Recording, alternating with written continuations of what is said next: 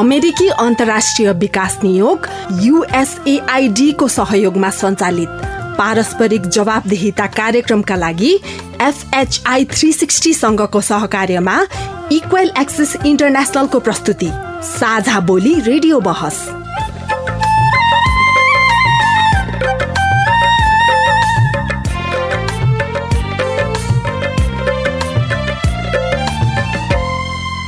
नमस्कार। साझा बोली रेडियो बसमा तपाईँलाई स्वागत छ। म नरेन्द्र ढकाल।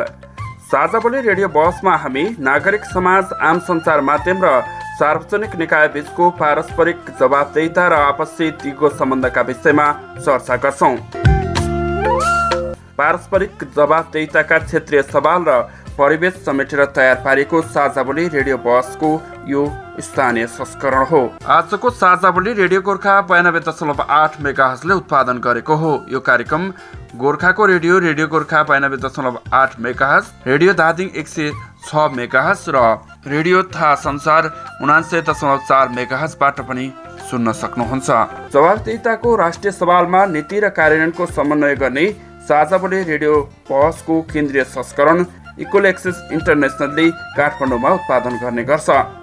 साझा बोलीका दुवै संस्करणहरू तपाईँले हरेक हप्ता एकै समयमा सुन्न सक्नुहुन्छ। साझा बोली रेडियो बसको यस सत्रको यो स्थानीय संस्करणको दोस्रो अङ्क हो। झन्डै चार वर्ष अघिदेखि प्रसारण भइरहेको साझा बोली यस वर्ष रेडियो बसको रूपमा उत्पादन तथा प्रसारण भइरहेको छ।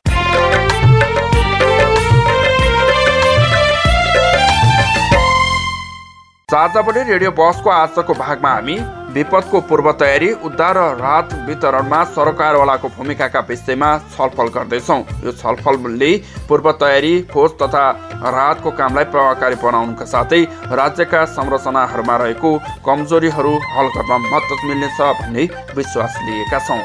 हामीसँग यहाँ जिल्लामा भएको चिजहरूलाई परिचालन गर्ने र यो जहाँ जहाँ नीति ऐन कानुन नीति चाहिँ संशोधन गर्न आवश्यक छ भन्ने कुराहरू उपल्लो फोरमहरूमा उठाउने मन्त्रालय विभागहरूमा प्रतिवेदन गर्ने र तिनीहरूलाई करेक्सन गर्ने र लोकल गभर्मेन्टलाई बढीभन्दा बढी बलियो बनाउनका लागि मेरो भूमिका रहन्छ। त्यस्तै कार्यक्रममा विपदको पूर्व तयारी उद्धार र राहत वितरणमा सरकारवालाका भूमिकाका विषयमा तपाईँ सिधा प्रश्नको सिधा जवाब पनि सुन्न सक्नुहुन्छ। विपद व्यवस्थापन कोषहरू बनेका छन् कोषमा पैसा छ तर सरकारले भनेको बेला राहत नपाउने उद्धार गर्न नसकिने भएपछि त्यो कोषको के औचित्य विपदको पूर्व तयारी उद्धार र राहत वितरणको कामलाई प्रभावकारी बनाउन केन्द्र एवं जिल्लामा भएको ज्ञान तल्लो तहसम्म पुर्याउनु पर्छ स्थानीय तह र स्थानीय विपद व्यवस्थापन समितिको क्षमता अभिवृद्धि गर्नु आवश्यक देखिन्छ।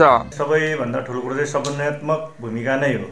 किनभने अब हामी मात्रै पनि गएर हुँदैन अब यसमा चाहिँ पालिकाहरू छ अब स्थानीय सरकारहरूमा भएका जुन चाहिँ अब स्रोतहरू छ उनीहरूलाई चाहिँ हामी परिचालन गर्नुपर्छ भन्ने लाग्दछ। साझा बोली रेडियो बहस अमेरिकी अन्तर्राष्ट्रिय विकास नियोग युएसएआइडी मार्फत अमेरिकी जनताहरूको सहयोगका कारण सम्भव भएको हो। यस कार्यक्रमभित्रका विषयवस्तु र सामग्री पारस्परिक जवाबदेहिता कार्यक्रमका एकल जिम्मेवारी हुन्। र यहाँ प्रस्तुत भनाइले युएसएआइडी वा अमेरिकी सरकारको विचार प्रतिबिम्बित गर्छन् भन्ने जरुरी छैन। रेडियो कार्यक्रम साझा बोलीमा तपाईँलाई फेरि स्वागत छ। विपदको पूर्व तयारी उद्धार र राहत वितरणमा सरकारवालाको भूमिकाका विषयमा कुराकानीका लागि यतिखेर कार्यक्रममा उपस्थित भइसक्नु भएको छ। गोर्खाका प्रमुख जिल्ला अधिकारी एवं विपद व्यवस्थापन समितिका अध्यक्ष शालिग्राम शर्मा पौडेल र नेपाल रेडक्रस सोसाइटीका जिल्ला शाखा सभापति भगवान बाबु मास्के। यहाँहरू दुवैजनालाई कार्यक्रममा हार्दिक स्वागत छ। धन्यवाद। अब हामी विषयवस्तुमा प्रवेश गर्नेछौँ। आजको छलफलको विषय हो विपदको पूर्व तयारी उद्धार र राहत वितरणमा सरकारवालाको भूमिका। अहिले दिनौँ बाढी पहिरोका घटनाहरू भइरहेका छन्। यस वर्ष मनसुन समयमा पर्दा अत्याधिक वर्षात भएको छ जसले गर्दा खोला नालामा आएको बाढी पहिरोले ठुलो क्षति गरिरहेको छ। सबैभन्दा पहिले सहकर्मी रमा सिंह खडाको एउटा सामग्री सुनौ र त्यसपछि हामी छलफल गर्नेछौँ। आज खरो छलफल हुनेछ कान थापेर सुन्नुहोला है। यस वर्ष असारको सुरुदेखि नै मनसुन सक्रिय भयो। मनसुनले तराईमा डुबान हुनु पूर्व पहाडी जिल्लाहरूमा बाढी पहिरोले समस्या देखियो। गोर्खासहित छिमेकी जिल्लाहरू धादिङ लमजुङ मनाङमा पनि बाढी पहिरोले क्षति गर्यो। सिन्धुपाल्चोकमा सबैभन्दा ठूलो क्षति गरेको देखिन्छ। यस वर्षको बाढी पहिरोले गोर्खामा अहिलेसम्म कम्तीमा तीस घर परिवार विस्थापित भइसकेका छन्। उत्तरी गोर्खाको चुम्नुब्री गाउँपालिका तिन सिरदिवासको सल्लेरीका छब्बिस घर अहिले अन्यत्र शरण लिएर बसेको अवस्था छ। त्यहाँका छ घर बाढीले बगाएको छ। यसै गरी जगत बगरका पाँच घर पनि बगाएको छ। बाढीले आरुघाट गाउँपालिकामा अवस्थित ठोटनेरी खोलाले बगाउँदा एकजनाको ज्यान गएको थियो। यसै गरी भीमसेन थापा गाउँपालिका र सैदलखन गाउँपालिकामा एक एक घर समेत पहिरोले पुरेको छ। दरौदी नदीमा बाढी आउँदा सिराञ्चोक गाउँपालिका चार सेराफाँटमा झन्डै पाँच सय रोपनी खेत कटान समेत गरेको छ। यी प्रतिनिधिमूलक घटना हुन्। जिल्लाका विभिन्न ठाउँमा धनजनको क्षति भएको छ। प्रहरी र प्रशासनले त्यसको लगत सङ्कलनको काम गरिरहेको जिल्ला प्रशासन कार्यालयले जनाएको छ। गत वर्ष पनि बाढी पहिरोले गोर्खाका झन्डै तिन सय घर परिवारलाई समस्या बनाएको थियो। तीमध्ये एक सय पचासभन्दा बढी घर पुननिर्माण गर्नुपर्ने अवस्थामा रहेको प्रशासनले जनाएको छ। अहिले स्थानीय तह मार्फत ती घरहरूको तथ्याङ्क यकिन गरी विपद व्यवस्थापन प्राधिकरणको मोबाइल एपमा विवरण भर्ने काम भइरहेको छ। सरकारले उनीहरूलाई घर बनाउनका लागि भूकम्प पीडित सरह अनुदान दिने भनिए पनि अहिलेसम्म तथ्याङ्क सङ्कलनकै काम नसकिँदा उनीहरू कष्टकर जीवन बिताउन बाध्य छन्। विपद बाजा बजाएर आउँदैन। आवश्यक पूर्व तयारी समयमै खोज तथा राहत प्रदान गर्न नसक्दा यो समस्या आएको हो। विपद व्यवस्थापन योजनाहरू त बनेका छन्। तर त्यसको प्रभावकारी कार्यान्वयन नहुँदा वर्षेनी सर्वसाधारण भने पीडित भइरहेका छन्। हामीले एउटा सामग्री सुनौँ अब यसपछि हामी छलफल सुरु गर्छौँ। सिमे साहब यो भन्नलाई चाहिँ हामी पूर्व तयारी गर्ने भन्ने धेरै मिटिङ छलफलहरू गोष्ठी पनि गर्छौँ। अनि काम चाहिँ जब रात पऱ्यो तब बुढी तातियो भने जस्तो। जब विपद हुन्छ त्यति बेला मात्रै काम गर्ने जस्तो अवस्था देखिँदो रहेछ। यो चाहिँ खास किन हुन्छ? तपाईँले भनेका कुराहरू केही हदसम्म सत्य पनि हो। अब कस्तो हुन्छ भने विपदको लागि पूर्णतया तयारी भन्ने कुरा सम्भव हुँदैन।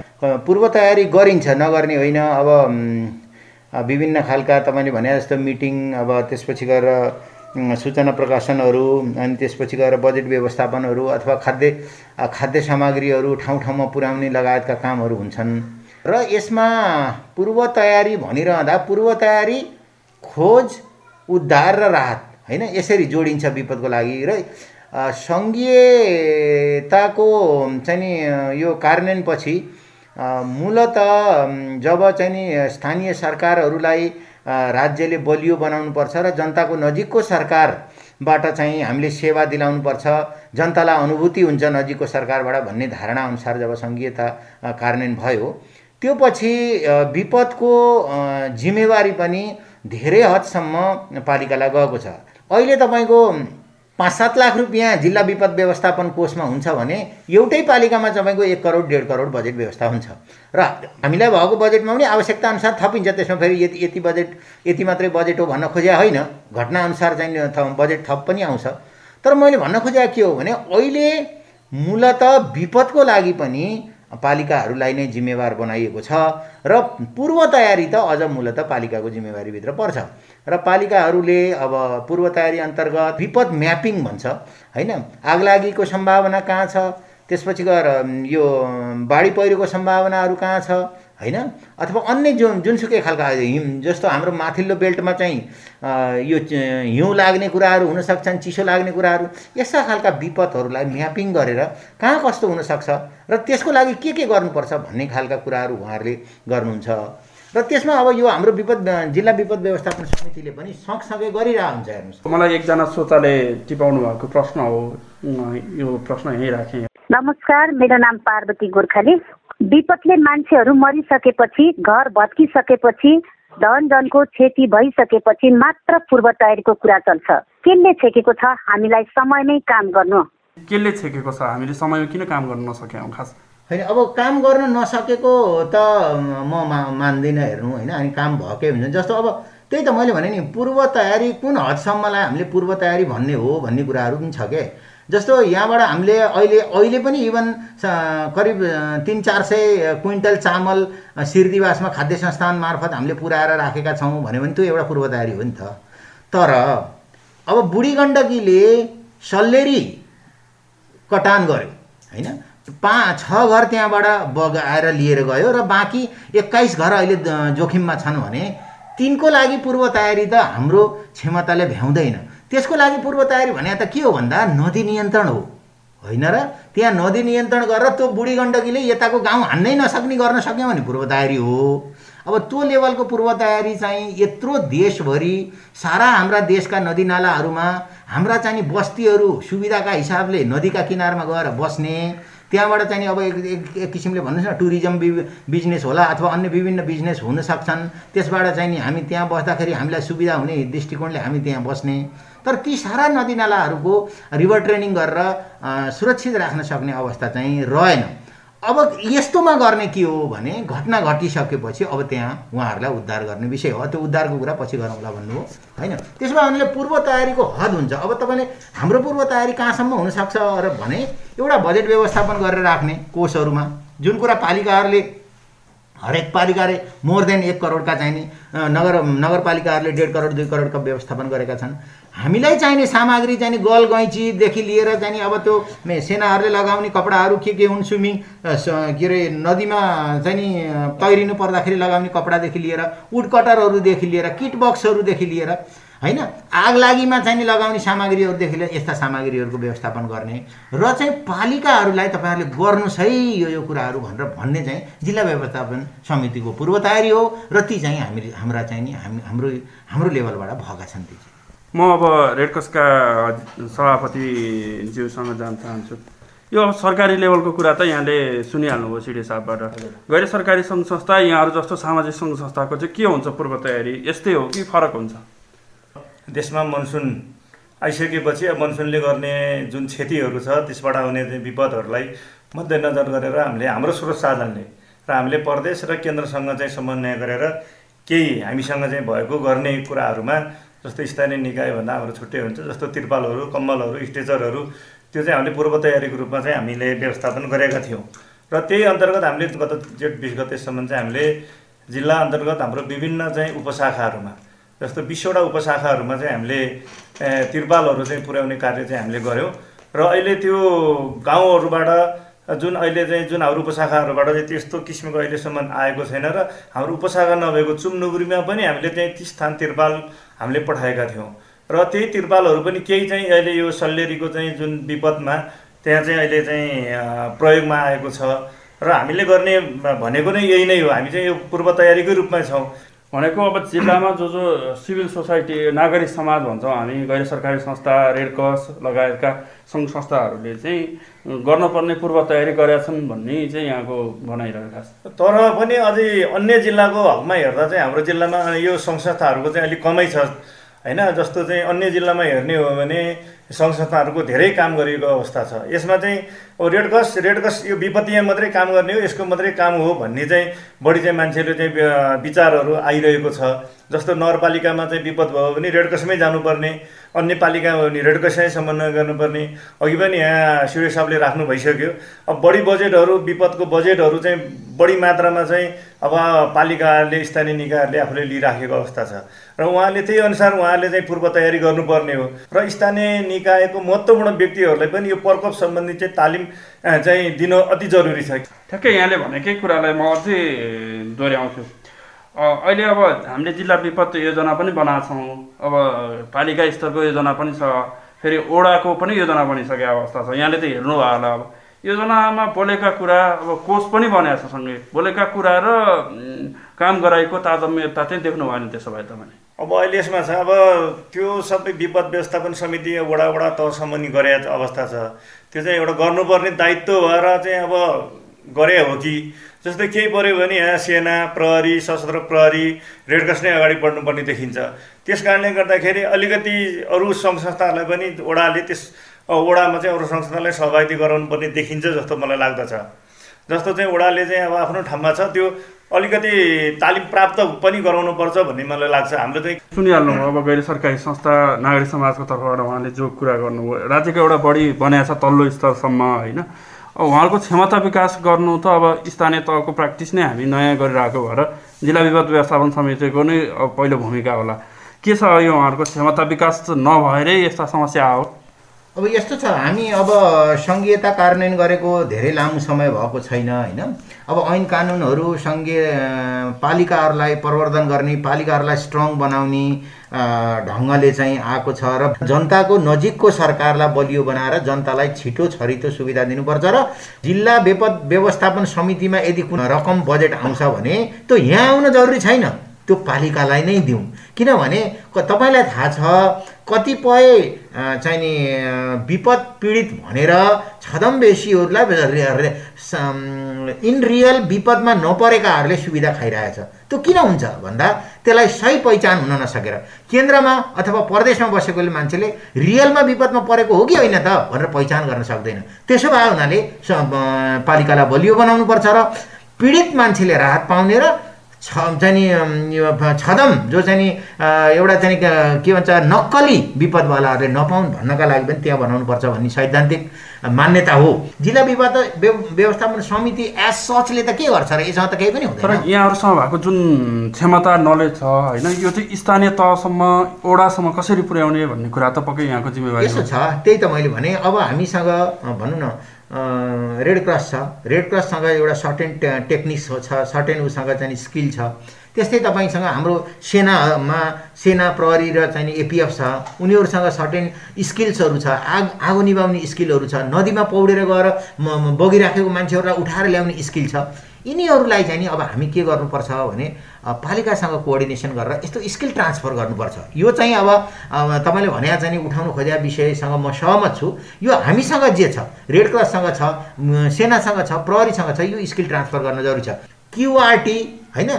क्विक रेस्पोन्स टिम अथवा चाहिँ नि ऱ्यापिड रेस्पोन्स टिम जुन हामीसँग सेनामा प्रहरीमा एपिएफमा हामीले बनाएका छौँ। त्यसलाई पनि त्यो पनि एउटा पूर्व तयारीको एउटा इभेन्ट हो। यस्ता चाहिँ नि हाम्रा चाहिँ मा- उहाँहरूसँग को कोलाबोरेसन गरेर उहाँहरूले चाहिँ नि बाट त्यहाँ एउटा सर्टेन टिमहरू बनाएर चाहिँ जानुपर्छ। विपदको लागि के सामग्री आवश्यक पर्छ? त्यसको चाहिँ उहाँहरूले किने तापनि हामीले उहाँलाई सजेसन दिन सक्छौँ। अहिलेसम्मको यो छलफललाई अलिकति समीक्षा गर्दाखेरि हामीसँग ऐन कानुन पनि छ एक खालको स्रोत पनि छ। तर हामीसँग भएको ज्ञान चाहिँ तलसम्म पुग्न नसकेकाले केही समस्या भएको हो।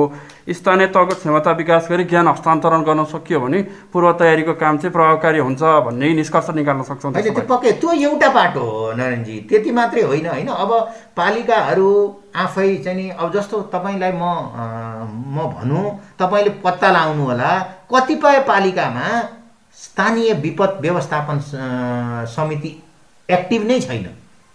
यहाँ केही केही चिजहरू हामीले स्थानीय विपद व्यवस्थापन समितिबाट सिफारिस गरेर ल्याउनुहोस् भन्दाखेरि कुनै पालिकामा होइन स्थानीय विपद व्यवस्थापन समिति त यहाँ छँदै छैन त्यस्तो बैठकै बहन चलन छैन सम्म पनि भन्नुभयो। पैसा छ डेढ करोड दुई करोड तर त्यहाँ चाहिँ एउटा अध्यक्ष अथवा प्रमुख प्रशासकीय अधिकृत अथवा दुई चारवटा वडा अध्यक्षबाट चलाउने त्यो चाहिँ हुन भएन। त्यो चाहिँ डेडिकेटेड स्थानीय विपद व्यवस्थापन समितिबाट चाहिँ त्यहाँबाट सिफारिस गरेर अथवा त्यहाँबाट हुनु पऱ्यो। जस्तो अहिले हामीले यो गत साल जेठ सतहत्तर जेठ यतादेखि सतहत्तर आश्विनसम्मको बाढी पीडितहरूको हामीलाई प्राधिकरणले लगत कलेक्सन गरेर उहाँहरूलाई यही भूकम्पको जस्तै पैसा दिन खोज्दैछ। होइन हाम्रो जिल्ला चाहिँ हिमाली जिल्लाको परिभाषाभित्र पऱ्यो भने एक घरले पाँच लाख रुपियाँ पाउने स्थिति छ। त्यो कलेक्सन गर्न खोज्दाखेरि त्यसको मोडालिटी के छ भने स्थानीय विपद व्यवस्थापन समितिबाट सिफारिस भइआएको एउटा चौध पाउने अनुसूची छ अनि अनलाइन एप्लिकेसन छ त्यो भरेर आउनुपर्ने हुँदा त्यो स्थानीय विपद व्यवस्थापन समिति समेत नभएको अवस्था छ। त्यसो भए हुनाले अब हामी के हो भने अब यो जिल्ला विपद व्यवस्थापन समिति भनेको धेरै पहिलादेखिको चाहिँ नि यो हो। त्यसो भए हुनाले यसमा चाहिँ एक खालको चाहिँ नि प्र्याक्टिसहरू छ। तर पालिकाहरूमा कतिपय ठाउँमा अब तर उहाँहरू पनि आज चार वर्ष बितिसक्यो धेरै चाहिँ नि म्याच्योर्ड भइसक्नु भएको छ। र यो जिल्ला स्थानीय विपद व्यवस्थापन समितिलाई बढीभन्दा बढी एक्टिभ गराउने र विभिन्न चाहिँ नि पोलिसीगत कुराहरू अथवा ट्रेनिङदेखि लिएर चाहिँ तपाईँको नलेज र स्किल ट्रान्सफरको कुराहरूको लागि चाहिँ जिल्ला व्यवस्थापन व्यवस्थापन समितिसँग गर्ने र धेरै ठुलो कुरो आयो। जुन पालिकाले पालिकाको क्षमतालाई नभ्याउने कुरा आयो भने जिल्ला व्यवस्थापन समितिमा ल्याएर ती कुराहरू जिल्ला व्यवस्थापन समिति मार्फत सङ्घ र प्रदेशमा त्यो कुरालाई चाहिँ हामी गरेर त्यहाँबाट फन्ड ल्याएर पनि हामी त्यो गर्न सक्छौँ। जस्तो भन्नुहोस् न अस्तिकै सल्लेरीको केस होइन? सल्लेरीको केसमा ठ्याक्कै न छ दिनपछि त हामी गयौँ तर त्योभन्दा अगाडि पनि नगएको होइन त्यहाँ त सरकार छ नि त त्यो सरकार छ रेड क्रसले उपलब्ध गराएका पालहरू त्यहाँ हामी ठ्याक्कै यो विषयमा दोस्रो खण्डमा कुरा गर्छौँ यसमा फेरि म रेडको सभापतिज्यूकै पनि प्रतिबद्धता अथवा एउटा निष्कर्ष चाहन्छु हामी नीतिगत समस्या होइन रहेछ होइन अब स्रोतको कुराकानीले यहाँले पनि थाहा पाइहाल्नुभयो स्रोतमा पनि त्यति ठुलो समस्या छैन भनेपछि हामी चाहिँ स्थानीय तहको क्षमता विकास गर्नुपर्छ र ज्ञानको हस्तान्तरण गर्नुपर्छ भन्ने कुरामा यहाँ सहमत हुनुहुन्छ। त्यो त गर्नै पर्छ किनभने त्यो गठन गरेर समिति गठन गरेर मात्रै हुँदैन। अब कतिपय पालिकाहरूले चाहिँ अब आइएनजिओहरूले चाहिँ केही समय तालिम दियो। तालिम दिइसकेपछि उहाँहरू चाहिँ तालिम प्राप्त भए। तर त्यो पछि फेरि उहाँहरूलाई चाहिँ रिफ्रेस तालिमहरू भएन। त्यस कारणले गर्दाखेरि हामीले चाहिँ सधैँ हामी रेडक्रस त सबै उपशाखाहरूमा चाहिँ जिल्लैभरिको उपशाखाहरू छ। अलिक रेडक्रसलाई पनि सँगसँगै लिएर गयो भने यो विपद व्यवस्थापनमा चाहिँ हामीसँग धेरै चाहिँ अब साथीहरू ट्रेनिङ प्राप्त पनि छ र हाम्रो रेडक्रस नियमअनुसार वर्ष दुई वर्षमा चाहिँ हाम्रो चाहिँ रिफ्रेस ट्रेनिङ भइराखेको हुन्छ। अब त्यसले गर्दाखेरि जुन अहिले चाहिँ स्थानीय निकायले गर्न त गर्नुभएको छ त्यो एउटा चाहिँ कागजी रूपमा चाहिँ सबै कुरो चाहिँ तयारी छ उहाँहरूको चाहिँ कुन कुन वडामा र को को छ त्यो समितिमा भनेर। कुनै कुनै वडामा चाहिँ अब त्यहाँ उपशाखाहरू भएको कारणले गर्दा त्यो उपशाखालाई पनि इन्भल्भ त गराउनु भएको छ। तर त्यहाँ रेडक्रससँग चाहिँ जुन लिनुपर्ने कुराहरू हो त्यो चाहिँ उहाँहरूले लिइराख्नु भएको छैन। र आगामी दिनमा चाहिँ अब स्थानीय निकायहरूले पनि जुन ऐश्वर्य साहबले पनि भन्नुभयो चार वर्ष भइसक्यो। चार वर्ष हुँदा पनि धेरै विपदहरू त गोर्खामा आइसकेको छ। हामीले गोर्खाको मात्रै कन्टेस्टमा हेर्ने हो भने पनि तपाईँ अहिले पारस्परिक जवाफदेहिता प्रबन्धनका लागि साझा बोली रेडियो बस सुन्दै हुनुहुन्छ हामी कुरा गरिरहेका छौँ विपदको पूर्व तयारी उद्धार र राहत वितरणमा सरकारवालाको भूमिकाका विषयमा कुराकानीका लागि यति बेला कार्यक्रममा उपस्थित हुनुहुन्छ गोर्खाका प्रमुख जिल्ला अधिकारी शालिग्राम शर्मा पौडेल र नेपाल रेडक्रस सोसाइटी जिल्ला शाखाका सभापति भगवान बाबु मास्के।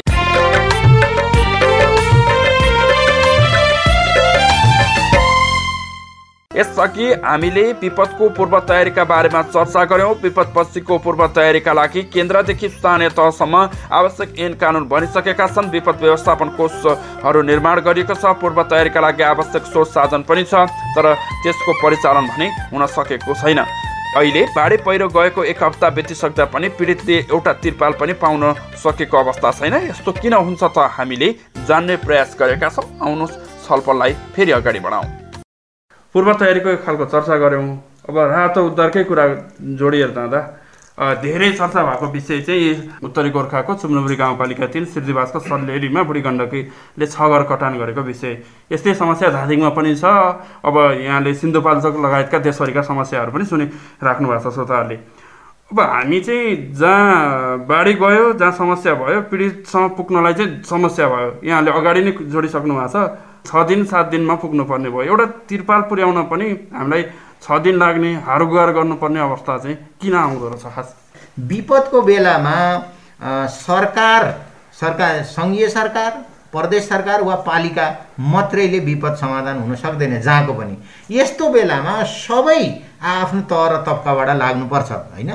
र अब जहाँसम्म सल्लेरीको कुरा गर्नुभयो अब हामीले हामी अब यो जिल्ला विपद व्यवस्थापन समिति भनिरहँदा रेड क्रस पनि हो पालिका पनि हो होइन?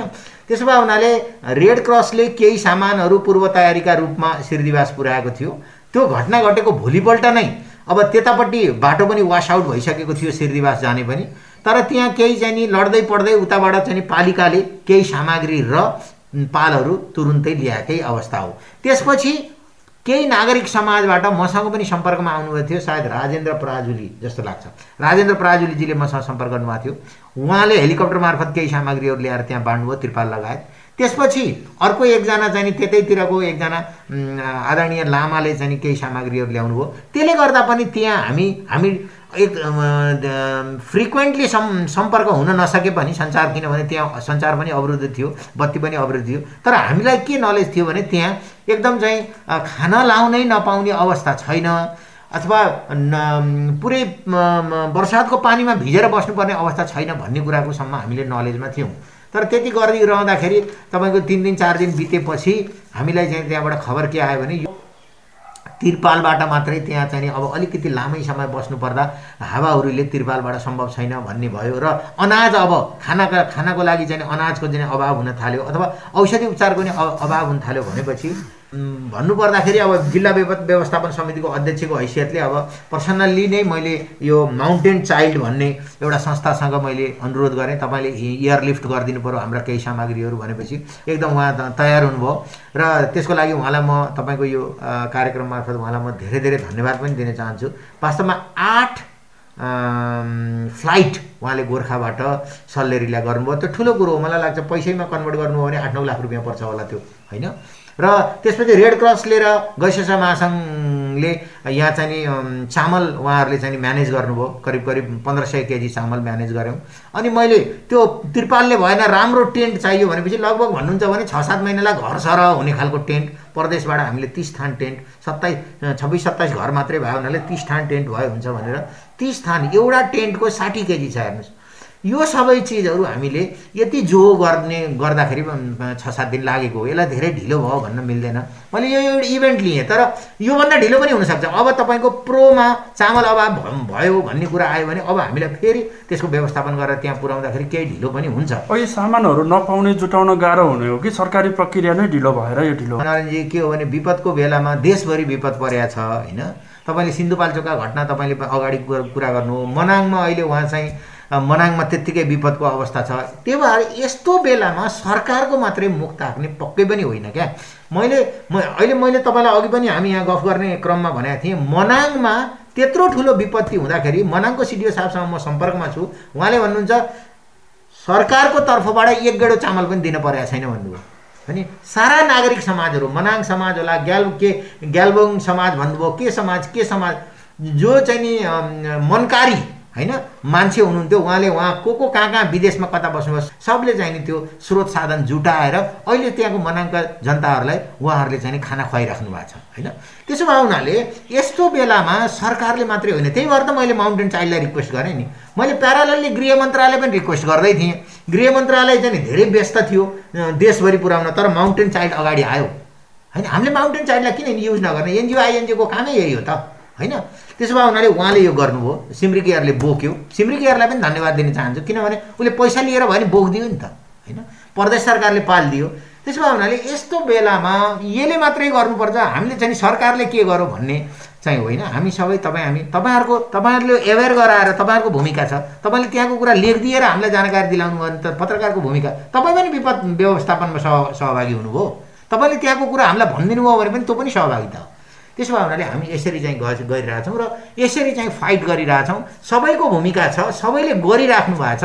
तर के हो भने हामी केही न केही स्रोत साधन अथवा हामी चाहिँ एउटा मुलुक होइन हामी अब विकासशील मुलुक विकासोन्मुख मुलुक भएको हुनाले हामी अरू विकसित देशमा जस्तो चाहिँ हामी इन्ट्याक्ट जतिखेर भनौँ त्यतिखेर हुन नसक्ला। तर पनि हामी फाइट गरिरहेछौँ भन्ने लाग्छ मलाई। यही विषयमै केन्द्रित रहँदाखेरि अब सरकारी तवरको कुरा त गरिहाल्नु हो। उहाँलाई छ दिन लागेछ यहाँहरू चाहिँ कति दिनमा पुग्नुभयो हामी चाहिँ अब यसमा चाहिँ भन्नुपर्दाखेरि अब हामीले पहिले नै अघि नै मैले भनिसकेँ जेठको बिस गते नै हामीले चाहिँ तिरपाल नै हामीले उहाँ पठाइसकेका थियौँ। किनभने मनसुन सुरु भइसकेपछि हामीसँग उत्तरी बेल्टमा हामीसँग चाहिँ उपशाखाहरू हाम्रो चाहिँ आधिकारिक चाहिँ निकायहरू थिएन। त्यो नभइसकन मैले चाहिँ गाउँपालिकाको अध्यक्षसँग चाहिँ समन्वय गरेर उहाँको कार्यकारी भीमसेन श्रेष्ठ पनि यहाँ गोर्खा चाहिँ औषधि लिन आउनु भएको अवस्थामा हामीले चाहिँ त्यो मनसुनलाई नै मध्यनजर गरेर उत्तरी बेल्टमा हामी जहाँ पछि पहिरो बाढी पहिरोले गर्दा हामी माथि उक्लिन सक्दैनौँ। यो चाहिँ पूर्व तयारीको रूपमै राख्नुपर्छ भनेर हामीले चाहिँ अगाडि नै उपस्थिति भएका थियौँ। र पछि हामीले नै अघि छोडी साहबले पनि भन्नुभयो हामी छ दिनपछि चाहिँ त्यहाँ रासन पानी कम्बल टेन्टहरू लिएर चाहिँ हामी उपस्थिति भयौँ। यो मलाई एकजना श्रोताले टिपाउनु भएको प्रश्न हो। यो प्रश्न यहीँ राखेँ। अब यहाँलाई सँग सम्- सम्बन्धित पनि देखिन्छ। मेरो नाम केशव गुरुङ। विपद व्यवस्थापन कोषहरू बनेका छन् कोषमा पैसा छ तर सरकारले भनेको बेला राहत नपाउने उद्धार गर्न नसकिने भएपछि त्यो कोषको के औचित्य यस्तो विपदको बेलामा यहाँहरूकै छलफलले अघि उठ्यो विषय खाद्यान्न नपाएर मान्छे भोकै बस्नुपर्ने अवस्था छ। त यही क्षेत्रमा काम गरेको एउटा विज्ञताको हिसाबले। अब यस्तो कोर्सलाई कसरी प्रयोग गर्न सकिन्छ के यसको औचित्य समाप्त भयो हो त्यसो भए? अब यो त हाम्रो भन्दा पनि स्थानीय नि निकायहरूकै चाहिँ बढी अब उहाँले सोच्नुपर्ने कुराहरू हो अब हामीले चाहिँ अब कस्तो छ भने अब रेड क्रसले चाहिँ हाम्रो स्थानीय गैर सरकारी संस्थाहरू अन्य संस्थाहरू जस्तो उद्योगवाणी सङ्घले पनि अस्ति सहयोग गर्यो लाइन्स क्लबले गर्यो। अब रोटरी क्लबहरू पनि भोलि तयारीकै अवस्थामा छ चेम्बर अफ कमर्स पनि तयारी अवस्थामै छ। अब अहिले जुन उत्तरी बेल्टमा खाद्यान्न अब अभाव भइहाल्यो भने हामी चाहिँ सबै सङ्घ संस्थालाई चाहिँ गुहारिराखेको अवस्था छ। र यहाँको अब भनौँ न होलसेल व्यापारीहरू छ यहाँको व्यवसायीहरू छ उहाँहरूसँग त हामी पुगेकै छैनौँ।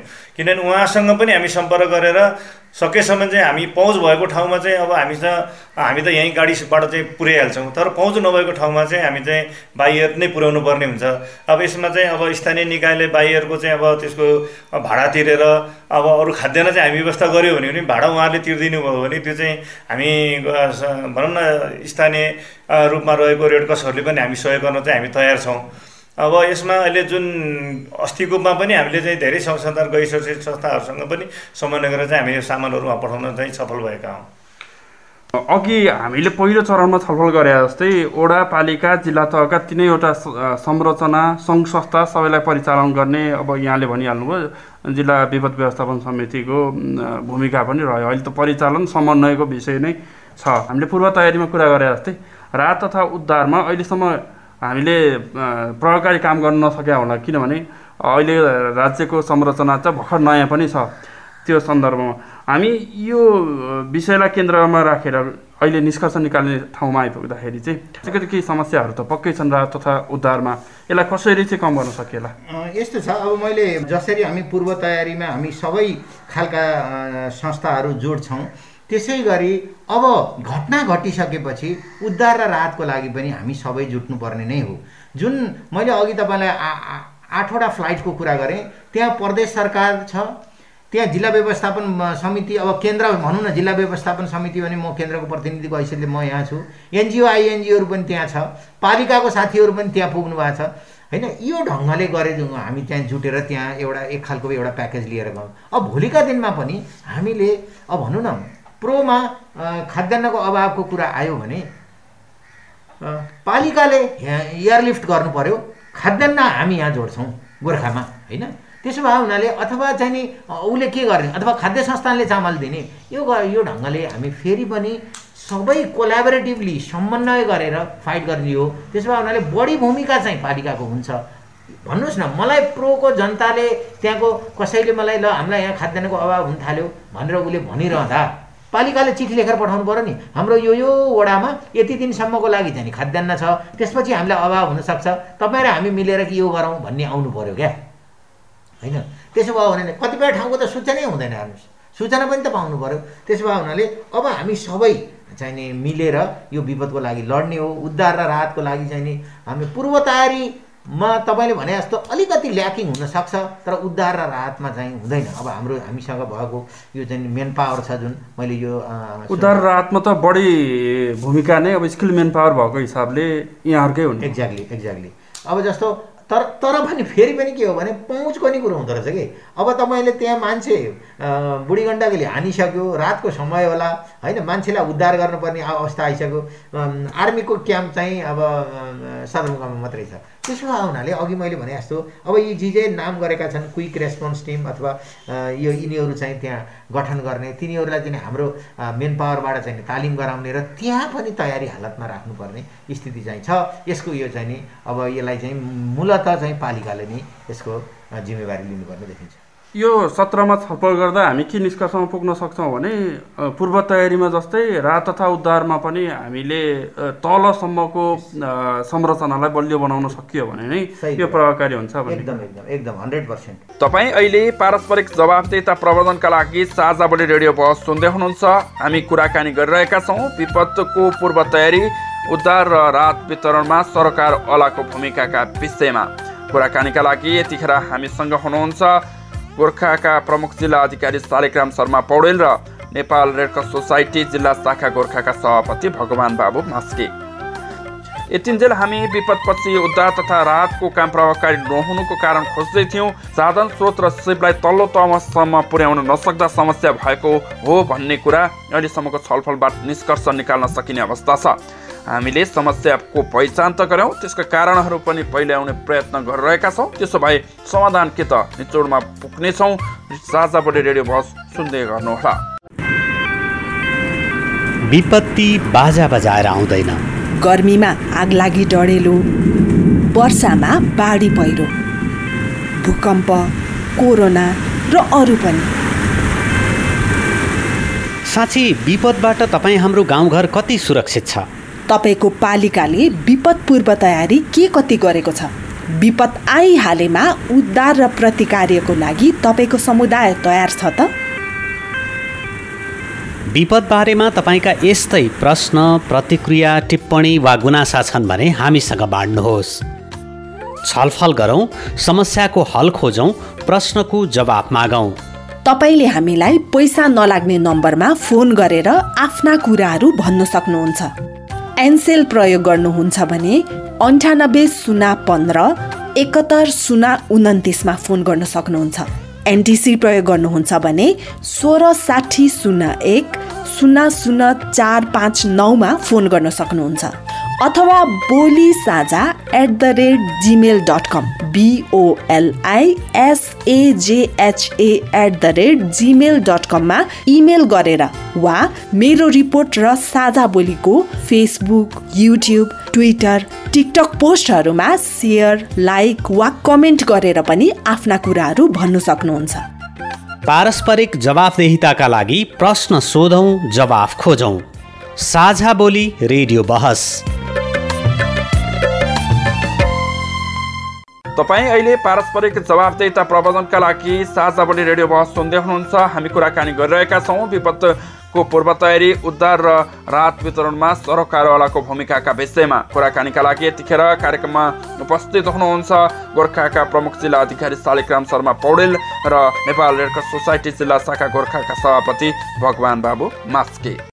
समस्याको त लगभग हामीले पहिचान गऱ्यौँ। समस्या देखाएर मात्रै पेन्सन मिल्ने अवस्था त नरहला। अब हामीले पूर्व तयारीमा नि केही समस्याहरू छन् राहत उद्धारमा पनि केही समस्या छन्। नीतिगत रूपमा जे जति बनाएका छन् नीतिगत कुराहरू पनि कार्यान्वयनमा समस्या होलान्। यहाँले भनिसक्नु भएको छ एउटा एनजिआइएनजीले आएर एन बनाइदियो पालिकाहरूमा धमाधम। त्यो एन कार्यान्वयन गर्न सक्ने क्षमता चाहिँ उहाँहरूसँग विकास भयो भएन भन्ने कुरा चाहिँ लगभग हामीले यो छलफलमा नि निष्कर्ष निकालेको एउटा विषय पनि रह्यो। ठ्याक्कै यो समस्यालाई समाधान गर्न तत्काल जिल्ला विपद व्यवस्थापन समितिले के काम गर्नु सक्छ रेडक्रसले के काम गर्न सक्छ भन्ने कुरालाई हामी यो खण्डमा चर्चा गरौँ। के गर्न सक्छ? ठ्याक्कै अब समस्या पनि देखायौँ हामीले। काम गरिरहेको कुराहरू पनि पक्कै यहाँले भनिहाल्नु हो होइन जिल्लाको साधन स्रोतको कुरा पनि आइहाल्यो। यो अवस्थामा यहाँको भूमिका चाहिँ के हुन्छ अहिलेको यो समस्यालाई सहजीकरण गर्नलाई?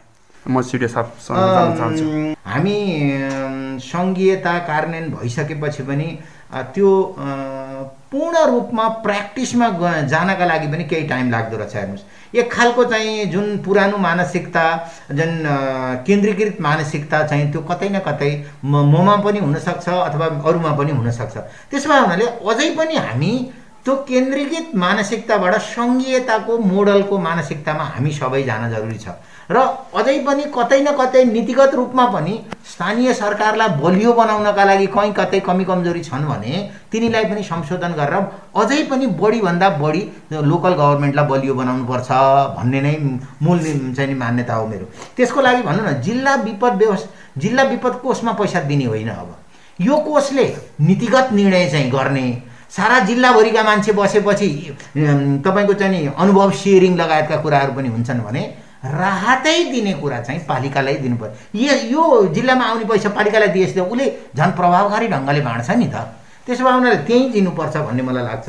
र यसले यो यो समितिले गर्ने कुराहरू चाहिँ के हुन सक्छन् भने एउटा नीतिगत कुराहरू गर्ने जुन कुरा पालिकाको क्षमताले नभ्याउने कुराहरू हुनसक्छन् अर्को चाहिँ स्किल ट्रान्सफरको लागि होइन गर्ने। र अनि जुन अब जुन स्थानीय सरकारसँग छैन जुन सुरक्षा निकाय स्थानीय सरकारसँग छैन नि त मिलिट्री आर्मी त स्थानीय सरकारसँग छैन पुलिस पनि अहिलेसम्म हाम्रो छैन नगर प्रहरीको व्यवस्था गर्ने कुरा कानुनमा भए पनि हाम्रो जिल्लामा गरिएको छैन त्यस्तै एपिएफ छैन यिनको सहयोग चाहिँ लिने होइन? यो एकदमै एउटा चाहिँ तपाईँ हाम्रो स्ट्रेन्थ हो यो। सेक्युरिटी अहिले तपाईँसँग नदीमा गएर हाम फाल्न पऱ्यो भने हाम फाल्ने को हो त भन्दा एपिएफ हो। हाम्रो यहाँ एपिएफमा छ हाम्रो यहाँ कुरिन्टारमा एउटा छुट्टै एउटा विपद सँग सम्बन्धित एउटा युनिटै छ। हाम्रा चाहिँ यहाँ बेला बेलामा चाहिँ नदीमा यो मान्छे हाम फालेर अथवा विभिन्न कारणले डुबेका मान्छेहरूलाई तिनीहरूलाई उद्धार गर्ने त्यसले गरिदिए। हामीले अनु अनु अनुरोधका आधारमा उसले गरिरहेछ। त्यसो भए यस्ता खालका कामहरू यी यो युनिटले गर्ने र नीतिगत रूपमा अझै पनि कुनै कमी कमजोरी छन् भने तिनलाई सच्याएर अथवा संशोधन गरेर पालिकालाई बलियो बनाउने ढङ्गले र यो यो जिल्ला विपद व्यवस्थापन समितिलाई एउटा एपेक्स बडीको रूपमा अथवा एउटा नीति निर्माण नीतिगत नीतिगत निर्णय गर्ने समितिको रूपमा राखेर अगाडि जाँदा राम्रो हुन्छ जस्तो चाहिँ मलाई लाग्छ। अब यहाँको कार्यकाल यहाँको अवधि भएर गोर्खा बस्दाखेरि हामीले यो जुन विषयमा छलफल गऱ्यौँ व्यक्तिगत रूपमा र जिल्ला विपद व्यवस्थापन समितिको अध्यक्षको नाताले के भूमिका हुन्छ यहाँको चाहिँ? होइन मै त्यो त अब मैले विद्यमान ऐन कानुन होइन प्रचलित ऐन कानुनको परिधिभित्र रहेर नै मैले काम गर्ने हो होइन। कतिपय कुराहरू मेरा अहिले मैले भनेका कुराहरू सुझावका रूपमा रहलान् तर ती ती चाहिँ ती चाहिँ ऐन कानुनको रूपमा तिनी नआएसम्म त मैले पनि कार्यान्वयन गर्न सक्दिनँ होइन। अहिले प्रिभेलिङ लले जे काम गर भन्छ त्यो गर्ने हो। र मेरो मूल भूमिका अथवा जिल्ला विपद व्यवस्थापन समितिको अध्यक्षको हैसियतले भूमिका भनेको के हो भने मूलत समन्वयकारी नै हो होइन। खोलामा मान्छे हाम फालेको छ त्यो त भइहाल्यो सर खास हामीले भन्न खोजेको चाहिँ। जुन स्थानीय स्तरमै समस्या देखियो त्यसलाई चाहिँ बलियो बनाउनलाई यहाँसँग त एउटा विज्ञता छ। यो विज्ञतालाई तलसम्म लैजान चाहिँ व्यक्तिगत रूपमा तपाईँको के हुन्छ पहल कदमी? यस्तो छ। अब स्थानीय तहमा ठ्याक्कै समस्या देखियो भन्ने त होइन। उहाँहरू पनि आफ्नो तहबाट आफ्नो अनुभव आजसम्मको अनुभवका आधारमा र भएको स्रोत साधनका आधारमा उहाँहरूले गरिराख्नु भएकै छ। होइन? तर अब उहाँहरूलाई अझ चाहिँ होइन क्षमता विकास गर्न बलियो बनाउनका लागि हामीसँग यहाँ जिल्लामा भएको चिजहरूलाई परिचालन गर्ने र यो जहाँ जहाँ नीति ऐन कानुन नीति चाहिँ संशोधन गर्न आवश्यक छ भन्ने कुराहरू उपल्लो फोरमहरूमा उठाउने मन्त्रालय विभागहरूमा प्रतिवेदन गर्ने र तिनीहरूलाई करेक्सन गर्ने र लोकल गभर्मेन्टलाई बढीभन्दा बढी बलियो बनाउनका लागि मेरो भूमिका रहन्छ। अब एउटा नागरिक समाजको नाताले अब रेडक्रसको सभापतिको नाताले यहाँसँग भएको ज्ञानसिपलाई तल्लो स्तरसम्म पुर्याउन जसलाई चाहिँ विपदको यो हाम्रो राहत उद्धार पूर्व तयारी जे जे भनिरहेछौँ यसलाई प्रभावकारी बनाउन चाहिँ यहाँले के भूमिका खेल्न सक्नुहुन्छ? अब यसमा चाहिँ अब हाम्रो भूमिका भने चाहिँ सबैभन्दा ठुलो कुरो चाहिँ समन्वयात्मक भूमिका नै हो। किनभने अब हामी मात्रै पनि गएर हुँदैन अब यसमा चाहिँ पालिकाहरू छ अब स्थानीय सरकारहरूमा भएका जुन चाहिँ अब स्रोतहरू छ उनीहरूलाई चाहिँ हामी परिचालन गर्नुपर्छ भन्ने लाग्दछ। जस्तो सल्लेरीकै कुरोमा हो भने अस्ति सेना नभएको भए त्यहाँ मानवीय क्षति हुने ठुलो सम्भावना थियो। होइन सेनाले चाहिँ ठुलो चाहिँ त्यहाँ चाहिँ सहयोग गरेको कारणले गर्दाखेरि उहाँहरूले चाहिँ आफ्नो चाहिँ सिप देखाएर नै त्यहाँको चाहिँ अब व्यक्तिहरूलाई चाहिँ त्यहाँ घरबाट निकाल्यो। तर मान्छे निकालेपछि घरमा सामान निकाल्न जाँदाखेरि घर पनि नभएको अवस्था त्यहाँ सुनियो। त्यस कारणले गर्दाखेरि हामीले चाहिँ हाम्रो चाहिँ के छ भने तल्लो निकायमा जुन हो पहिला घटना घट्छ त्यहाँको चाहिँ नजिकको मान्छेले चाहिँ उद्धार गर्ने हो। जस्तो घाइते भयो भने हामी फर्स्ट एड ट्रेनिङ दिन्छौँ त्यो फर्स्ट एड ट्रेनिङ चाहिँ लिएर उसले स्वास्थ्य चौकीसम्म पुर्याउने। स्वास्थ्य चौकी भएन भने जिल्ला अस्पताल र अनि केन्द्रीय चाहिँ अब चाहिँ अस्पतालहरूमा उपत्यका अस्पतालहरूमा पुर्याउने चाहिँ एउटा हाम्रो नीति हो। त्यही अनुसार नै पहिलो प्रायोरिटी भने नै ऐश्वर्य साहबले राख्नु भएको छ। र स्थानीय निकायको स्थानीय स्तरमै नै एउटा चाहिँ जुन एउटा चाहिँ टोलीहरू तयार हुनुपर्ने पर्ने हो त्यो चाहिँ बढीभन्दा बढी चाहिँ स्थानीय निकायले त्यसलाई ध्यान दिनुपर्ने चाहिँ त्यसलाई बनाउनलाई यहाँले व्यक्तिगत रूपमा अथवा रेडक्रसको सभापतिको हिसाबले पहल कदमी गर्नुहुन्छ।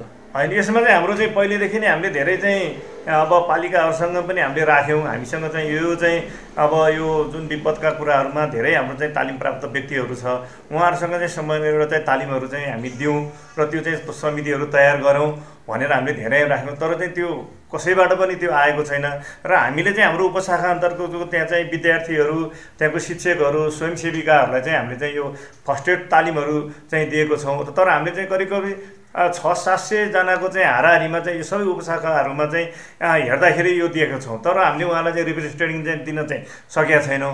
तर पनि हाम्रो जिल्लाभरिमा चाहिँ हाम्रो करिब करिब उन्तिसजना चाहिँ हाम्रो चाहिँ फर्स्ट एडको चाहिँ तालिम प्राप्त रिफ्रेस ट्रेनिङ लिएकै हाम्रो भलिन्टियरहरू हुनुहुन्छ। तर कतिपय चाहिँ एक दुईजना चाहिँ अलि हामीभन्दा अलिक बाहिर होला देशभन्दा बाहिर गएको होला। त्यस कारणले अरू चाहिँ तयारी अवस्थामै छ। तर पनि हामीले गर्नुपर्ने भूमिकाहरूमा स्थानीय तहले माग गर्यो अथवा त्यो तालिमको महसुस गर्यो भने यहाँहरू दिन तयार हामी चाहिँ तयार छौँ। जस्तो चाहिँ अब तपाईँले भन्नु भोलि विपद परिहाल्यो भने एउटा हस्पिटलकै टोली पनि हाम्रो केन्द्रसँग छ। ठुलो विपद पर्दा चाहिँ एउटा हस्पिटलकै नै ठाउँमा लगेर चाहिँ त्यसलाई उपचार गर्ने टोलीहरू पनि हामी छ। हामीसँग सम्पर्क चाहिँ किनभने अब उपशाखा छ उपशाखाले सकेन भने जिल्ला शाखा छ जिल्ला शाखाले पनि सकेन भने हामी प्रदेश छ प्रदेश सकेन भने पनि हामी केन्द्र केन्द्र भने अन्तर्राष्ट्रियमा एसियन कन्ट्रीमा चाहिँ अब यसरी हेर्ने चाहिँ जुन रेड क्रस छ त्यसले पनि सहयोग गर्छ र अन्तर्राष्ट्रिय रेड क्रस त अब तपाईँले भूकम्पमा देखिहाल्नुभयो र कति आयो चाहिँ रेड क्रसहरूबाट र चाहिँ रेड क्रसले कति सहयोग गर्ने भन्ने कुरा पनि देख्नुभयो। र हामीले चाहिँ जुन भूकम्प बेलामा गाउँ गाउँमा चामलमा जाँदाखेरि हेलिकप्टर पोइन्ट ठाउँ नहुँदा पनि हाम्रो भलिन्टियरहरूले चाहिँ यो गाउँमा यति छ यति यति किलो बाँडेर खानु है भनेर चाहिँ एउटा नदीको चाहिँ एउटा चाहिँ बगरमा लगाएर त्यसलाई एउटा चिठीमा ढुङ्गाले च्यापेर आ अवस्थामा पनि त्यसरी फेरि भरपाई गरेर पठाइदिएर लिएर पनि अवस्था छ। किनभने हामीले त्यसरी पनि त्यो विपदमा हामीले काम गरिरहेको छ। एक्सपिरियन्स हामीसँग अनुभव धेरै छ र यो नेपालमै पनि यो भूकम्पमा त ठुलो विपद पऱ्यो किनभने केन्द्रबन्दी नै गोर्खा परेको कारणले गर्दाखेरि हाम्रो भलिन्टियरले चाहिँ धेरै काम गरेको अवस्था छ। त्यसले गर्दाखेरि भोलि पनि हामी काम गर्न सक्नुपर्ने सक्नेछौँ भने चाहिँ हामी प्रतिबद्धता जनाउँछौँ। कुराकानीको लगभग हामी अन्त्य अन्त्यमा आइसकेका छौँ। यी सबै विषयलाई हामीले केन्द्रमा राखेर छलफल गर्दाखेरि पूर्व तयारी राहत तथा खोज र आगामी भावी योजनाका बारेमा हामी सबै चिन्तित छौँ र सबैजना सहयोग र समन्वय गरेर अगाडि बढ्यौँ भने चाहिँ जिल्लामा धनजनको क्षति कम गर्न सकिन्छ भन्ने कुरामा को निष्कर्ष निकाल्न सक्छौँ। जो जसको जहाँ जे भूमिका छ सबैले आफ्नो भूमिका सम्झेर चाहिँ काम गरौँ। होइन? रेड क्रसले आफ्नो खालको काम गर्नु पर्यो एउटा जिल्ला सिँचाइ कार्यालयले टाइममा जाली किनेर राख्नु पर्यो खानेपानीले पाइप किनेर राख्नु पर्यो सडकले चाहिँ हेभी इक्विपमेन्टहरू इन्ट्याक्ट राख्नु पर्यो कहीँ बाटो भत्क्यो भने गर्ने गरी। सेना प्रहरीले आफ्ना टिमहरू क्युआरटी टिमहरू इन्ट्याक्ट राख्नु पर्यो ताकि सिडिओ कार्यालयबाट एक कल जाँदा साथ उहाँहरू मुभ गर्न सक्ने। पालिकाहरूले त्यही किसिमले आफ्नो फन्ड म्यानेजमेन्ट गरेर बस्नु पर्यो र कहाँ कहाँ जोखिमयुक्त ठाउँहरू हो? अथवा को ठ्याक्कै जोखिममा पर्यो भन्ने कुरो सबभन्दा पहिला पहिला पालिकाले थाहा पाउँछ। त्यसमा इन्फर्मेसन राखेर परिचालित हुनु पऱ्यो होइन? यो सबै चाहिँ हामीले गऱ्यौँ भने एनजिओ आइएनजिओहरूको अघि उहाँले पनि कुरा गर्नुभयो। मैले पनि त्यत्रो सहयोग लिएँ एनजिओ आइएनजिओसँग। यिनीहरूले पनि आफ्नो चाहिँ नि कतिपय बेलामा जस्तो उहाँहरूका रेगुलर कार्यक्रमहरूलाई विपदमा डाइभर्ट गर्नु पऱ्यो यो सबै चिज हामी गरेर जहाँ गयौँ समन्वयात्मक रूपमा भनेदेखि हामी विपदसँग फाइट गर्न सक्छौँ। महत्त्वपूर्ण समय र छलफलका लागि यहाँहरू दुवैजनालाई धेरै धेरै धन्यवाद दिन चाहन्छु। धन्यवाद नरेनजी भनिन्छ विपद बाचा बचाएर आउँदैन आवश्यक पूर्व तयारी गर्ने र बेलैमा उद्धार तथा राहत वितरण गर्न सक्ने हो भने नागरिकलाई सुरक्षित राख्न सकिन्छ। यसका लागि जे जति कानुन बनेका छन् त्यसको कार्यान्वयन गर्ने तथ्य जनशक्ति तयार गर्नमा जोड दिने केन्द्र एवं जिल्लामा रहेको ज्ञान सिप र साधन स्थानीय तह र वडासम्म पुर्याउनु जरुरी छ।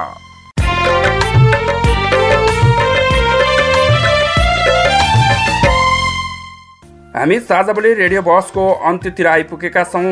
साझाबोली रेडियो बसका बारेमा मनमा साझाबोली रेडियो बसका बारेमा मनका कुरा भन्नका लागि एनटिसी मोबाइल वा ल्यान्डलाइन फोन प्रयोग गर्नुहुन्छ भने सोह्र साठी शून्य एक सोह्र साठी शून्य एक शून्य शून्य चार पाँच नौमा फोन गर्न सक्नुहुन्छ। एनसेल प्रयोग गर्नुहुन्छ भने अन्ठानब्बे शून्य पन्ध्र एकहत्तर शून्य उन्तिसमा फोन गर्नुहोला यी नम्बरमा फोन गरेको पैसा लाग्दैन र प्राप्त निर्देशन अनुसार नै प्रश्न सोध्न सकिनेछ।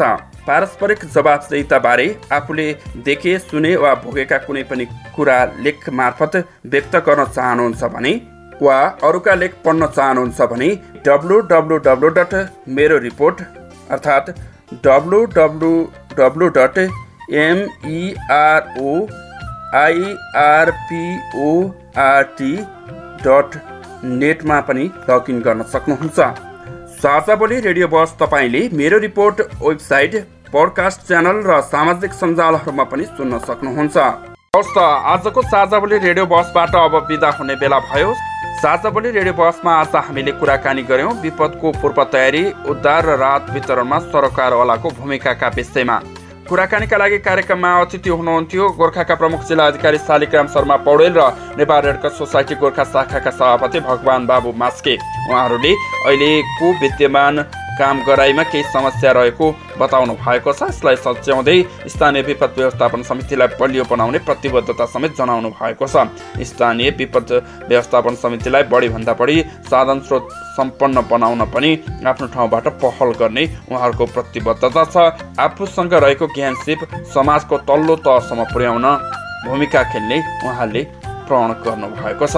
आशा छ यी प्रतिबद्धताहरू पुरा हुनेछन्।